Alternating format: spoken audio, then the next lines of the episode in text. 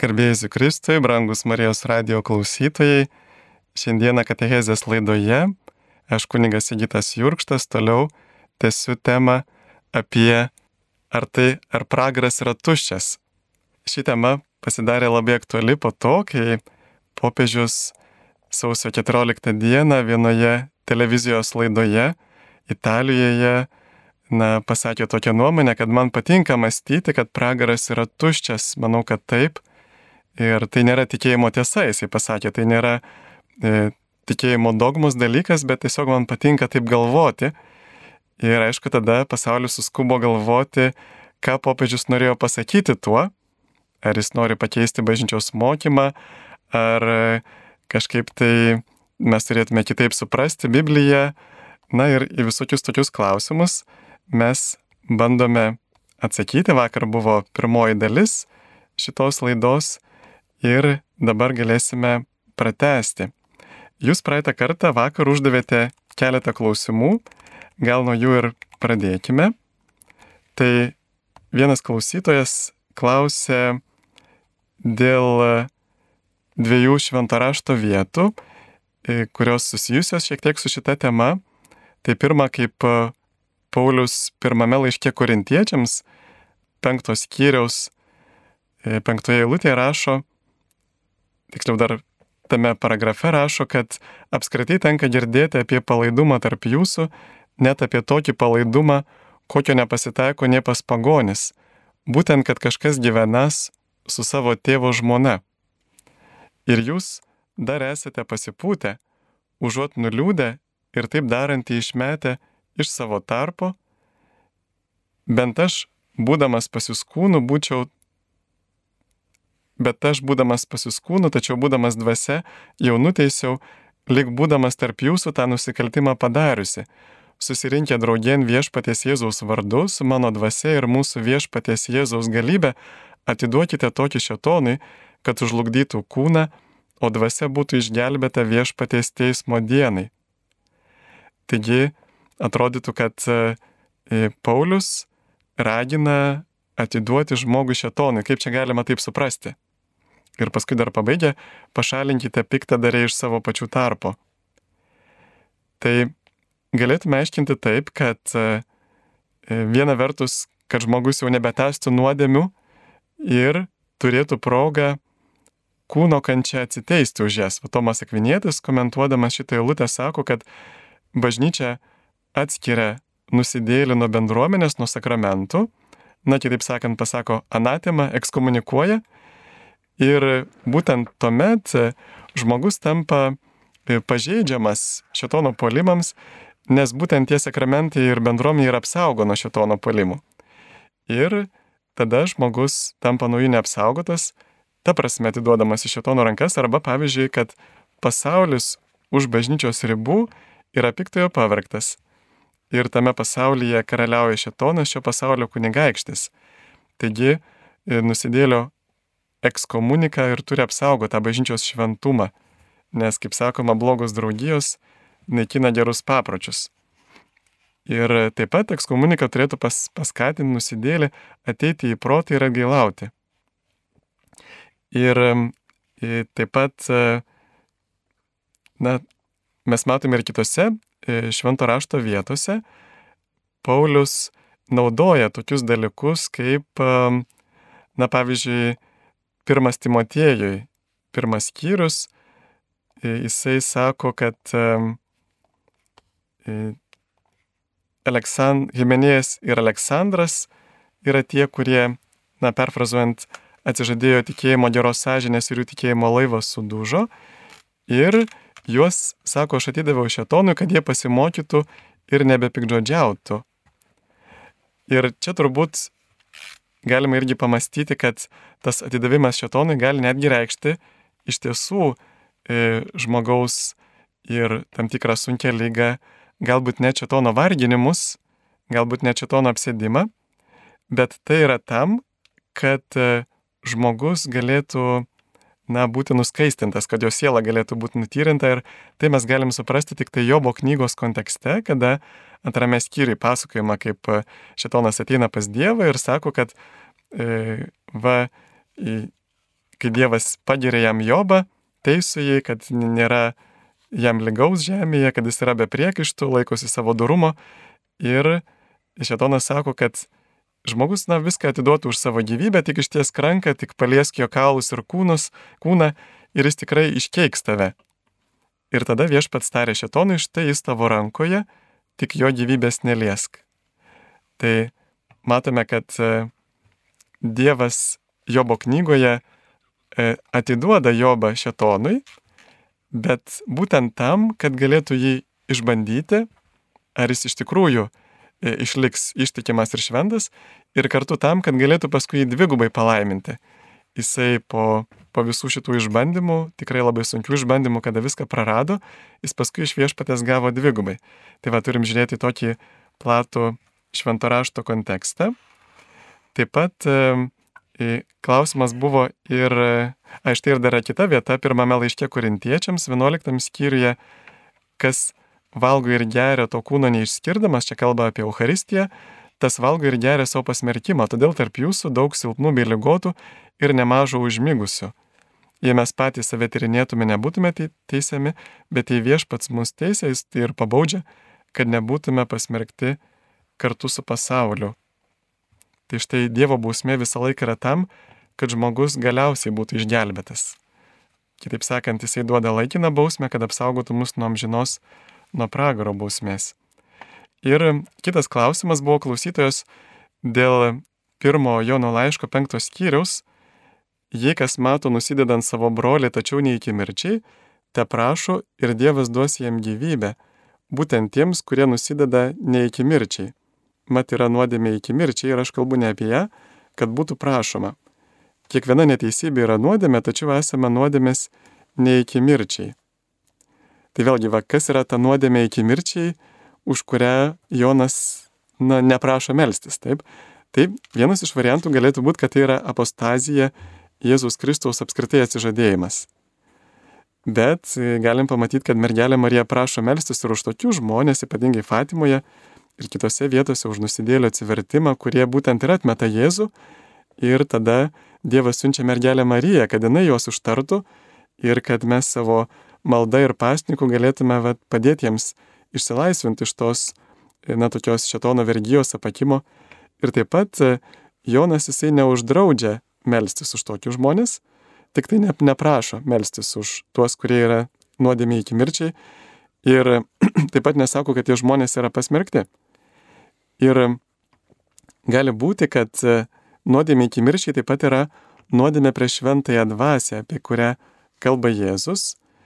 Ir tradicija bažnyčioje, na taip, įskiria tokias kelias nuodėmės prieš šventąją dvasę rušys, ypatingai šventas Tomas Akvinėtis, tai ir katekizmą irgi galime matyti, kad e, tai yra tokios, galėtume sakyti, trys, trys bent jau grupės nuodėmių, kad visų pirma tai yra nuodėmė prieš E, viltį atmetant Dievo gailestingumą, tai yra nusivylimas, neviltis, kada žmogus netiki, kad Dievas gali jo pasigailėti. E, ir va todėl jisai patenka į pragarą. Taip pat e, kita nuodėmė yra perdėtas pasitikėjimas, na, arba Dievo gailestingumo, arba savo teisumu. Ir ta nuodėmė naikina, naikina Dievo baimę ir žmogus atmeta Dievo teisingumą. Jisai tikisi gauti garbę be nuopelno, atleidimą be atgailos.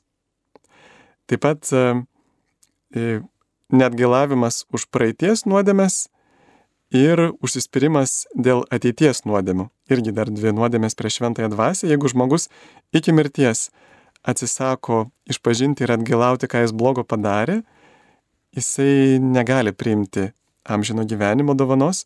Ir jeigu jisai užsispyręs ir toliau daro tą pačią nuodėmę samoningai, ir iki mirties neatsižada, vėlgi tai yra kelias į pragarą, į pasmerkimą. Taip pat e, dar dvi nuodėmės prieš šventąją dvasę, tos netleidžiamos nuodėmės yra e, nuodėmė prieš pažintą tiesą. Tai yra, na, žmogus, kad galėtų lengviau nusidėti, jisai paneigė tiesą. Nu, pavyzdžiui, kad e, homoseksualūs veiksmai yra sunki nuodėmė. Jisai sako, ne, čia viskas gerai. Ir tokiu būdu jis nors supranta tą tiesą, bet nori ją paneigti, kad galėtų laisvai nusidėti. Arba pavyzdžiui, nu, tai, tarkim, pavyzdžiui, arba kad abortas, kad yra žmogžudystė ir nuodėmė, na, čia tiesiog išvalymas, taip. Tai mes matome gana nemažai tokių dalykų ir mūsų visuomenėje. Arba kita grupė nuodėmė yra prieš malonę, kad e, žmogus liūdi ir priešinasi, matydamas, kaip Dievas veikia kito žmogaus gyvenimą. Na, pavydas dėl šventosios dvasios dovanų. Kitaip sakant, žmogus liūdi, kad Dievas daro gerą pasaulyje per tą žmogų. E, tai va, tai šitos nuodėmės prieš šventąją dvasę taip pat galėtų būti um, būtent šita um, nuodėmė iki mirčiai. Taigi toliau pereikime prie mūsų laidos temos.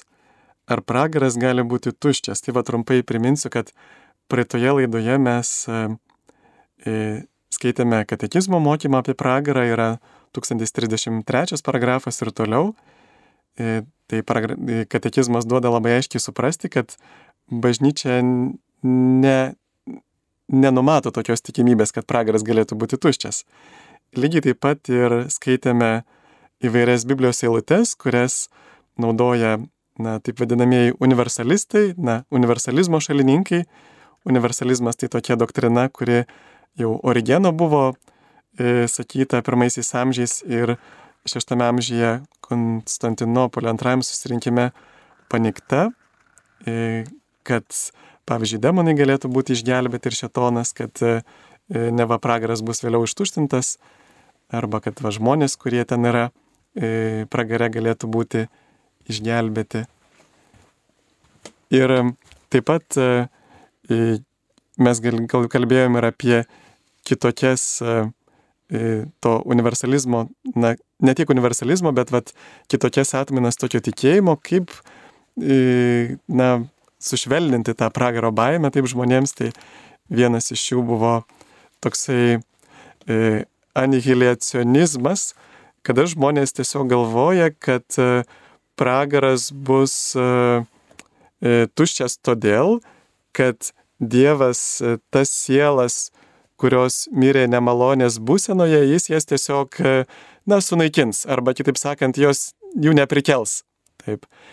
Ir dalinis, na tai vad, o kita pažiūra, tai tas dalinis sielos nemirtingumas, būtent, kad siela nėra nemirtinga iš savęs, bet kad Dievas ją turi prikelti, na ir iš to tada seka logiškai kita mintis, kad jeigu Dievas tą sielą na, apskritai, jeigu Dievas yra gailestingas, tai kam jam prikelti e, nusidėlių sielas, kad jos kankintųsi tam pragare, tai geriau, kad jis jų neprikeltų taip.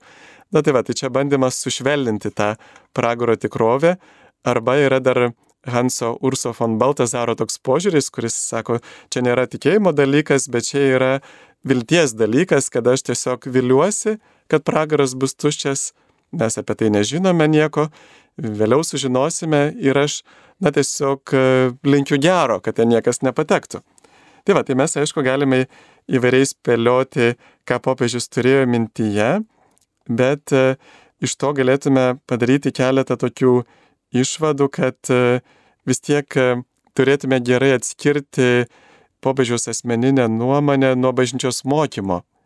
Nes kada tai yra bažnyčios mokymas, na tai yra visų kartu susirinkus mokymas ir, kaip Jėzus sakė, kur du ar trys susirenka mano vardu, ten ir aš esu tarp jų. Taigi Dievas veikia bendruomenėje, visi esam Kristaus kūnas ir atskiras žmogus be bendruomenės, be vienybės su bažnyčios bendruomenė, kažin ar galėtų teisingai nuspręsti tam tikras tikėjimo tiesas. Ir va tos dogmos, kurios buvo priimtos popiežiaus ekskatera tiek Marijos nekalto prasidėjimo, tiek ir Marijos ėmimo į dangų, jos buvo būtent su visos bažnyčios pritarimu, su vienybė bažnyčioje. Ir taip pat e, kita pamoka turbūt ypatingai mūsų laikų ženklas, kada mes išgyvename didžiulę dvasinę kovą, mes negalime remtis aklai autoritetais. Nes e, kiekvienas žmogus yra klystantis, kiekvienas žmogus yra silpnas ir vad Dievas ir apsaugo popiežių neklistamumo charizmą būtent tuo metu, kada jis veikia vienybėje su bažnyčia. Vienybėje su bažnyčios visa tradicija, e, kada šventoji dvasia irgi atskleidė, kaip reikėtų suprasti tam tikras Biblijos vietas. Ir taip pat turbūt mūsų laikų ženklas, kad turėtume e, paklusti išmintingai. Jokia darybė be išminties nėra darybė ir turėtume atsižvelgti visų pirma į intenciją, kodėl popiežius taip sako, o ne kažkaip aklai bandyti raidiškai paklusti. Tai ta intencija turbūt dažnai yra, na pavyzdžiui, jisai nekarta kritikuoja mūsų tokį fariziejišką norą nuteisti kitus. Kad vat, jeigu ateina nusidėlis į bažnyčią, mes iškart skubam jį nuteisti, kad tu eisi į pragarą ir taip toliau.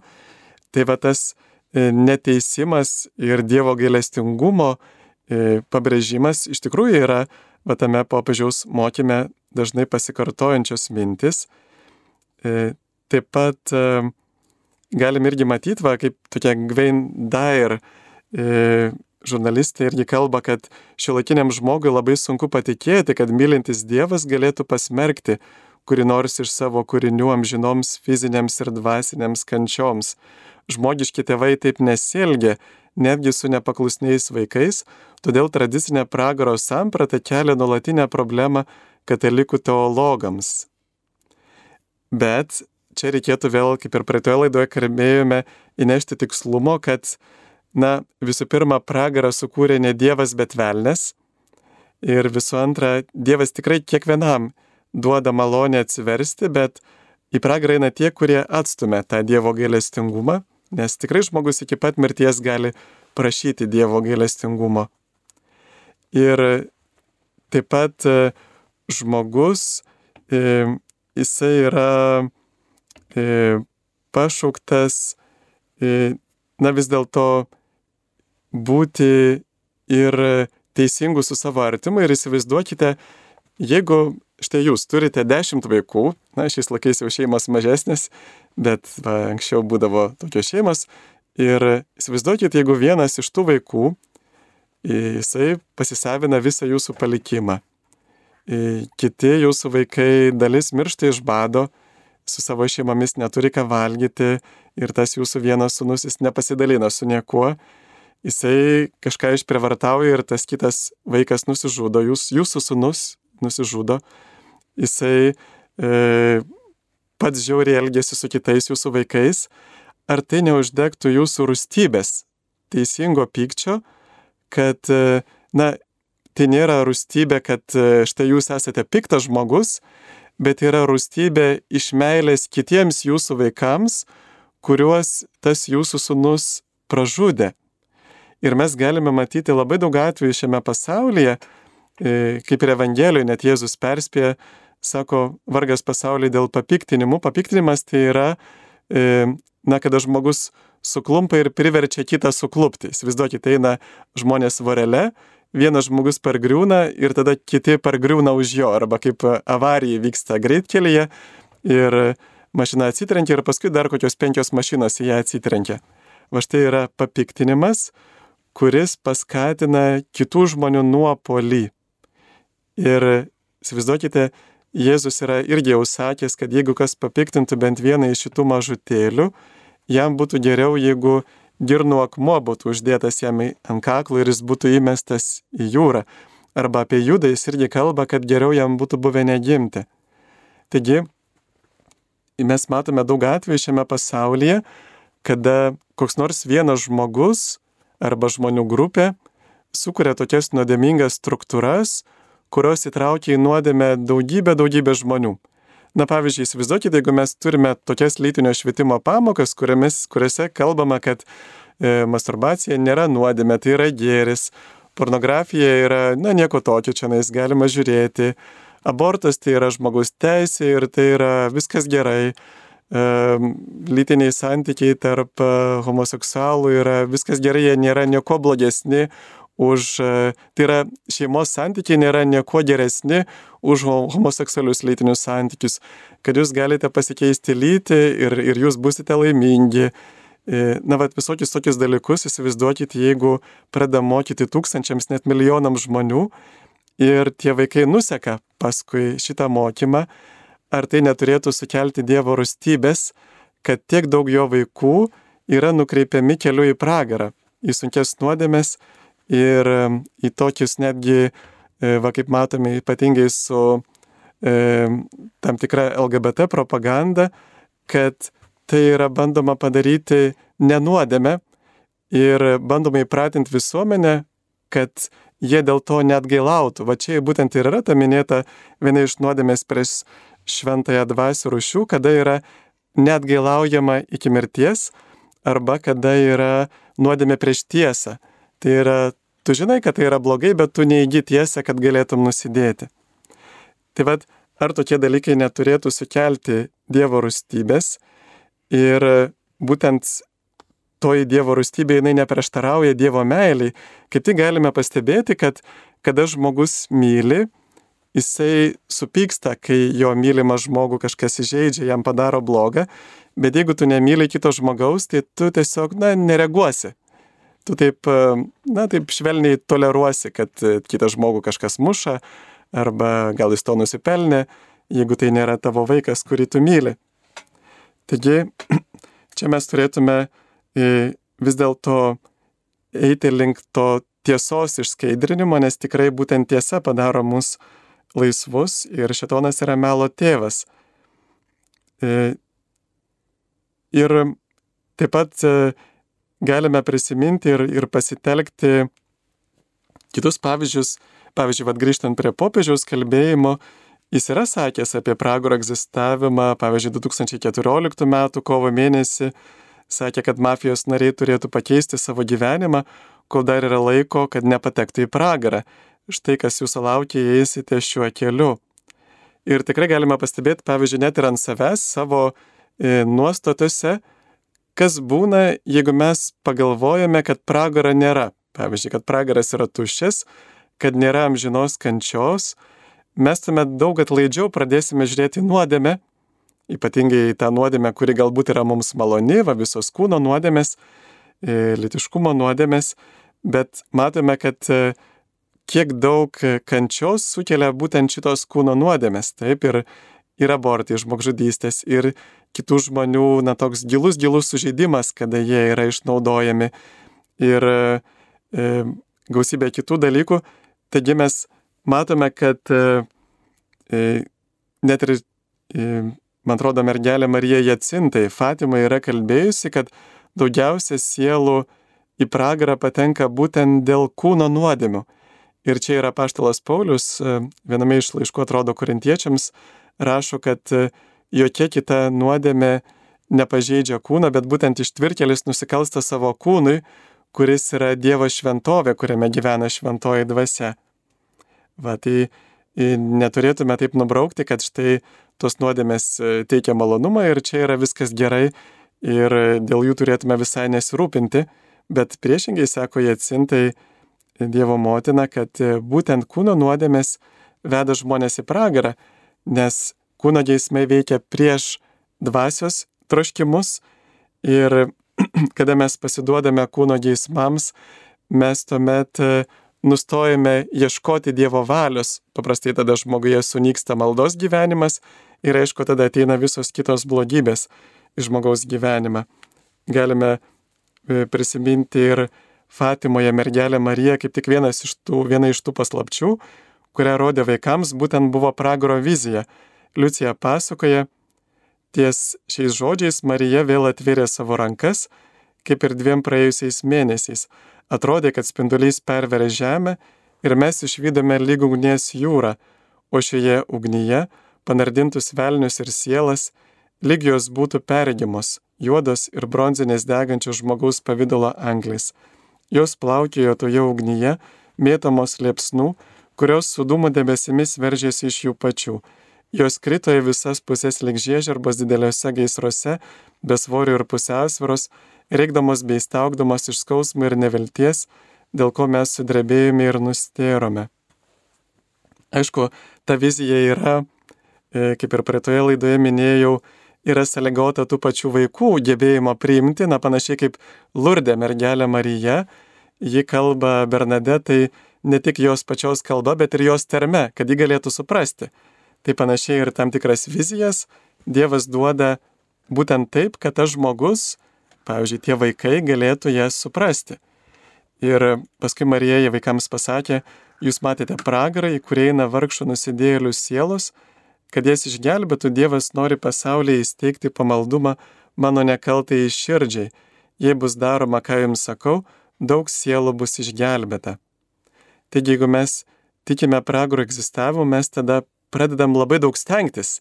Iš tikrųjų, jeigu nuo mūsų e, nuodėmės arba priešingai dorybingo gyvenimo, maldos pasiaukojimo priklauso tai, ar sielos išvengs pragaro, tai aš kaip tik turėčiau labai stengtis.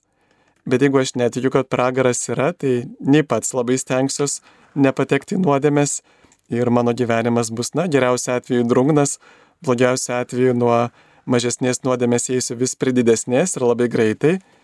Ir taip pat nelabai stengsiuosi, kad ir kiti būtų išgelbėti, nei stengsiuosi kelti Evangeliją, nei stengsiuosi siekti šventumo, nei stengsiuosi melsis už nusidėlius. Taigi tikėjimas pragaro buvimu iš esmės keičia mūsų gyvenimą, kiekvieną mūsų elgesį.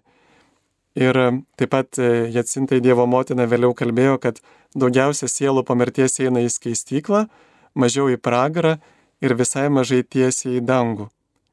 Taigi į pragarą patenka daugiau sielų, negu patenka tiesiai į dangų. Ir mes turėtume tikrai dėl to sunerimti.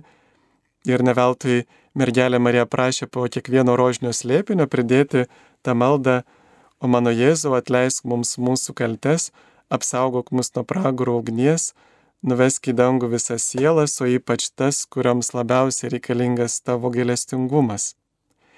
Ir taip pat e, yra šventųjų, kurie liudyja, kad Dievas jiems nusivedė juos į pragarą ir atskleidė pragaro egzistavimą.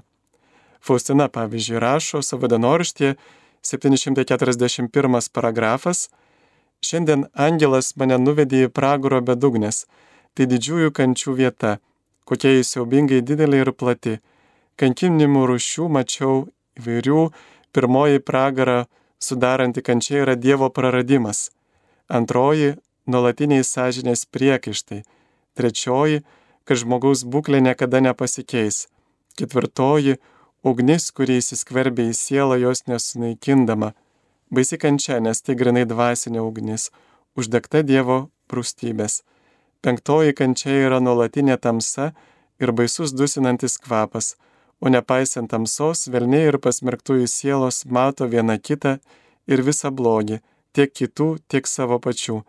Šeštoji kančia yra nuolatinė šetono draugija. Septintoji kančia yra baisinė viltis, neapykanta Dievui, bjaurų žodžiai, prakiksmai ir pikdžodžiavimai.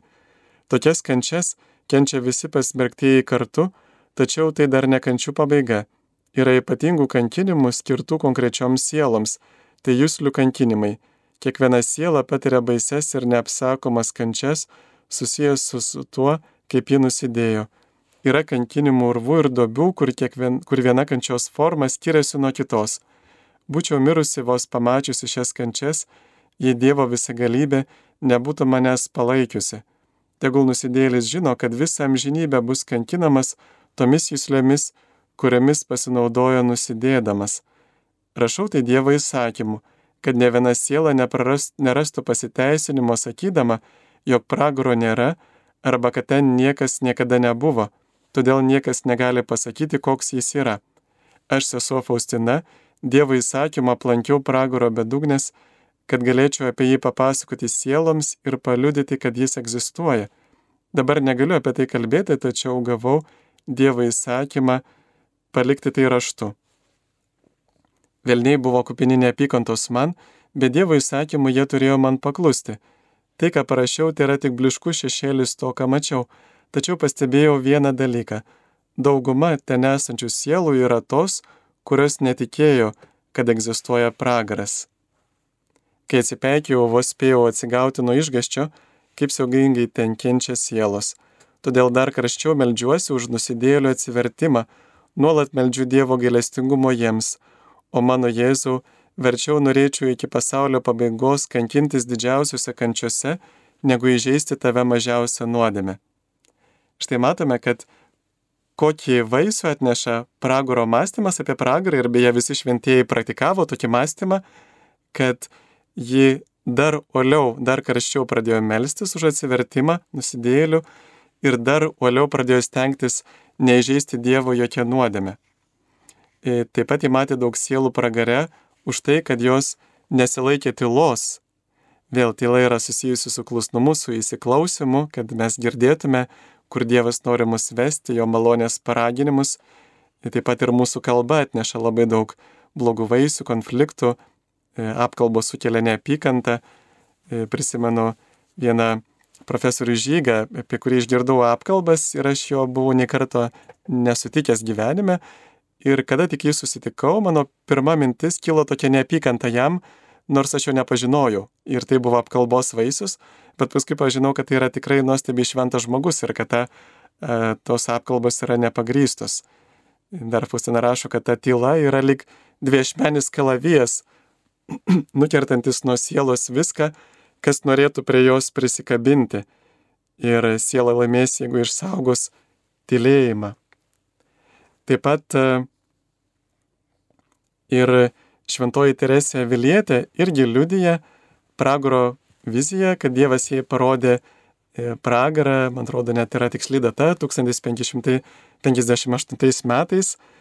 E, ir toje vizijoje ji aprašo visą šitą pragaro baisumą, vėlgi, kurie yra, na, jis toks atrodo tarsi žemiškas tas pragaras, bet vėlgi tai yra Dievas prisitaiko prie žmonių gebėjimo suvokti tą dvasinę tikrovę, bet e, panašiai kaip šventoji Faustina, panašiai liudyja ir šventoji Teresė Vilietė.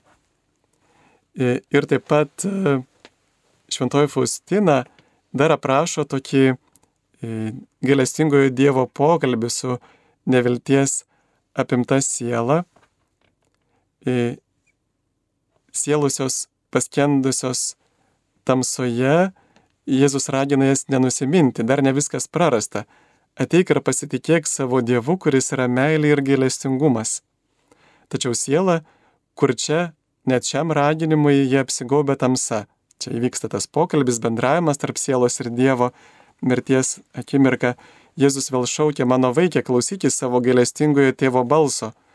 Sielos viduje kyla šis atsakymas, ji pasineria į dar didesnę tamsą, į neviltį, kuri yra pragaro nuojauta ir neleidžia jai priartėti prie Dievo. Dievas kviečia sielą trečią kartą, bet siela lieka kur čia yra akla, užkėtėjusi ir apimta nevilties. Tada pradeda veikti Dievo gailestingumas ir sielai nebendradarbiaujant, Dievas suteikia jai galutinę malonę. Jei ji ir atmetama, jeigu ir ji atmetama, Dievas palieka sielą šioje jos pačios pasirinktoje padėtyje amžiams. Ši malonė kyla iš galestingosios Jėzaus širdies ir suteikia sielai ypatingą šviesą, kuria ji pradeda suprasti Dievo pastangas. Tačiau atsivertimas priklauso nuo jos pačios valios. Siela žino, kad tai yra galutinė malonė ir jei ji parodytų bent trupinėlį geros valios, Dievo gailestingumas atliktų visą kitą. Tai va todėl Jėzus ir ragina šventąją Faustiną perduoti tą neapsakomą Dievo gailestingumą, kad e, nusidėlis net ir padaręs didžiausias nuodėmės, kad jis nepasmerktų savęs, kad nesakytų, kad man jau dabar Dievas nebegali atleisti, kaip šventoji Teresėlė arba ir kiti šventieji kalbėdavo, kad mūsų nuodėmės palyginti su beribiu Dievo gailestingumu yra tarsi mažas lašelis jūroje. Bet tai nereiškia vėlgi, kad mes turėtume, na taip, žiūrėti į tas savo nuodėmės atlaidžiai atsainiai. Nes būtent Dievas gali atleisti tik tada, kada mes nuoširdžiai gailimės, kada nuoširdžiai ryštamės pasitaisyti ir būtent atgailos sužadinimas, tas skausmo, pasibjaurėjimo nuodėmės sužadinimas kaip tik ugdo mus ateityje nebenusidėti. Nes na, jeigu aš sakysiu, kad čia nieko tokio, be jokių jausmų, tiesiog prie išpažinties, aš ir sekantį kartą labai lengvai įpulsiu į tas pačias nuodėmės. Ir įdomu dar, įdomi tokia vieta Šventos Faustinos dienoraštėje, kur mergelė Marija jai sako, kad, aš dabar perfrazuosiu iš atminties, kad nepaliaujamai kalbėk žmonėms apie šitą didžiulį Dievo gailestingumą, nes kitaip būsi atsakinga už daugelį sielų. Ir sako, kad būtent tai yra gailestingumo laikas, kad tu turi paruošti pasaulį antrajam Jėzaus ateimui, Jėzaus sugrįžimui. Ir tai jau bus nebe gailestingumo, o didžio teisingumo diena, didžio Dievo teismo diena, Dievo rūstybės diena, prieš kurią dreba angelai. Taigi, mergelė Marija pabrėžia, ir beje ir kitose apsiriškimų vietose, kad gailestingumo laikas yra ribotas, kad tai yra beribio Dievo gailestingumo laikas, bet jis turi pabaigą būtent tada, kada Jėzus sugrįž kaip teisėjas. Ir todėl mes turime gerai pasinaudoti tuo laiku, ne tik, kad prieitume iš pažinties, atsikratytume nuodėmių, bet kad ir taptume šventais. Mes visi žinome, kad siekti šventumo reikia laiko, nugalėti savo įdas, išugdyti darybės. E, tam reikia tikrai laiko. Arba pavyzdžiui, kad mes nueitume į dangų netuščiamis, kaip Paulius sako, ne kaip tie, kurie per ugnį nuėję ir, ir, ir sudegs visi mūsų darbai kaip kokie šiaudai, bet kad kažkas išliktų danguje, kad mes galėtume visą amžinybę džiaugtis, kad pavyzdžiui padėjome kokiai nors sielai, kad padarėme gerą. Tai štai su tą mintimi galėtume ir užbaigti šitą mąstymą, kad e, yra neteisingas kaltinimas sakyti, kad kalbėjimas apie pragarą yra kažkoks tai negatyvus, kad jis, na aišku, jisai žaidžia mūsų emocijas, galbūt priverčia susimastyti, kad, e, na, kad e, tai, ką mes darome, yra netinkama, negera, kad mes turime kažką keisti, bet iš tikrųjų mąstymas apie pragarą yra be galo naudingas mūsų sielai. Ir kartu, va, kaip pastebėjome iš Šventos Faustinos liudijimo, daugiausia sielų pragare, dauguma sielų pragare yra tos, kurios netikėjo, kad pragaras egzistuoja. Na, jos tiesiog nesistengė. Tai va, ta baimė, sveika Dievo baimė yra išminties pradžia. Jis iš tikrųjų mus gali vesti į didį šventumą didelę meilę ir apsaugoti nuo didelių blogybių žemėje. Taigi, kad ir kokia būtų popiežiaus intencija, vat minint tos žodžius, kad ir kaip galėtume juos interpretuoti, vis dėlto popiežius aiškiai pasakė, kad jis nepakeičia bažnyčios mokymo ir kad e, turime e, geriau įsiskaityti, ką sako Katalikų bažnyčios katekizmas apie pragarą ir kad ne vienas šventasis, visai eilė turbūt šventųjų liudyje, kad pragaras tikrai egzistuoja ir jie įmatė savo akimis dėl mūsų, kad mums paliudytų ir daugiausiai apie pragarą šventajame rašte kalbėjo pats Jėzus. Taigi, tegul šitos mintis paskatina mus dar toliau siekti šventumo, viešpas mus te palaimina, te saugona visokio blogio, te nuveda į amžinai gyvenimą ir te padeda siekti šventumo. Amen.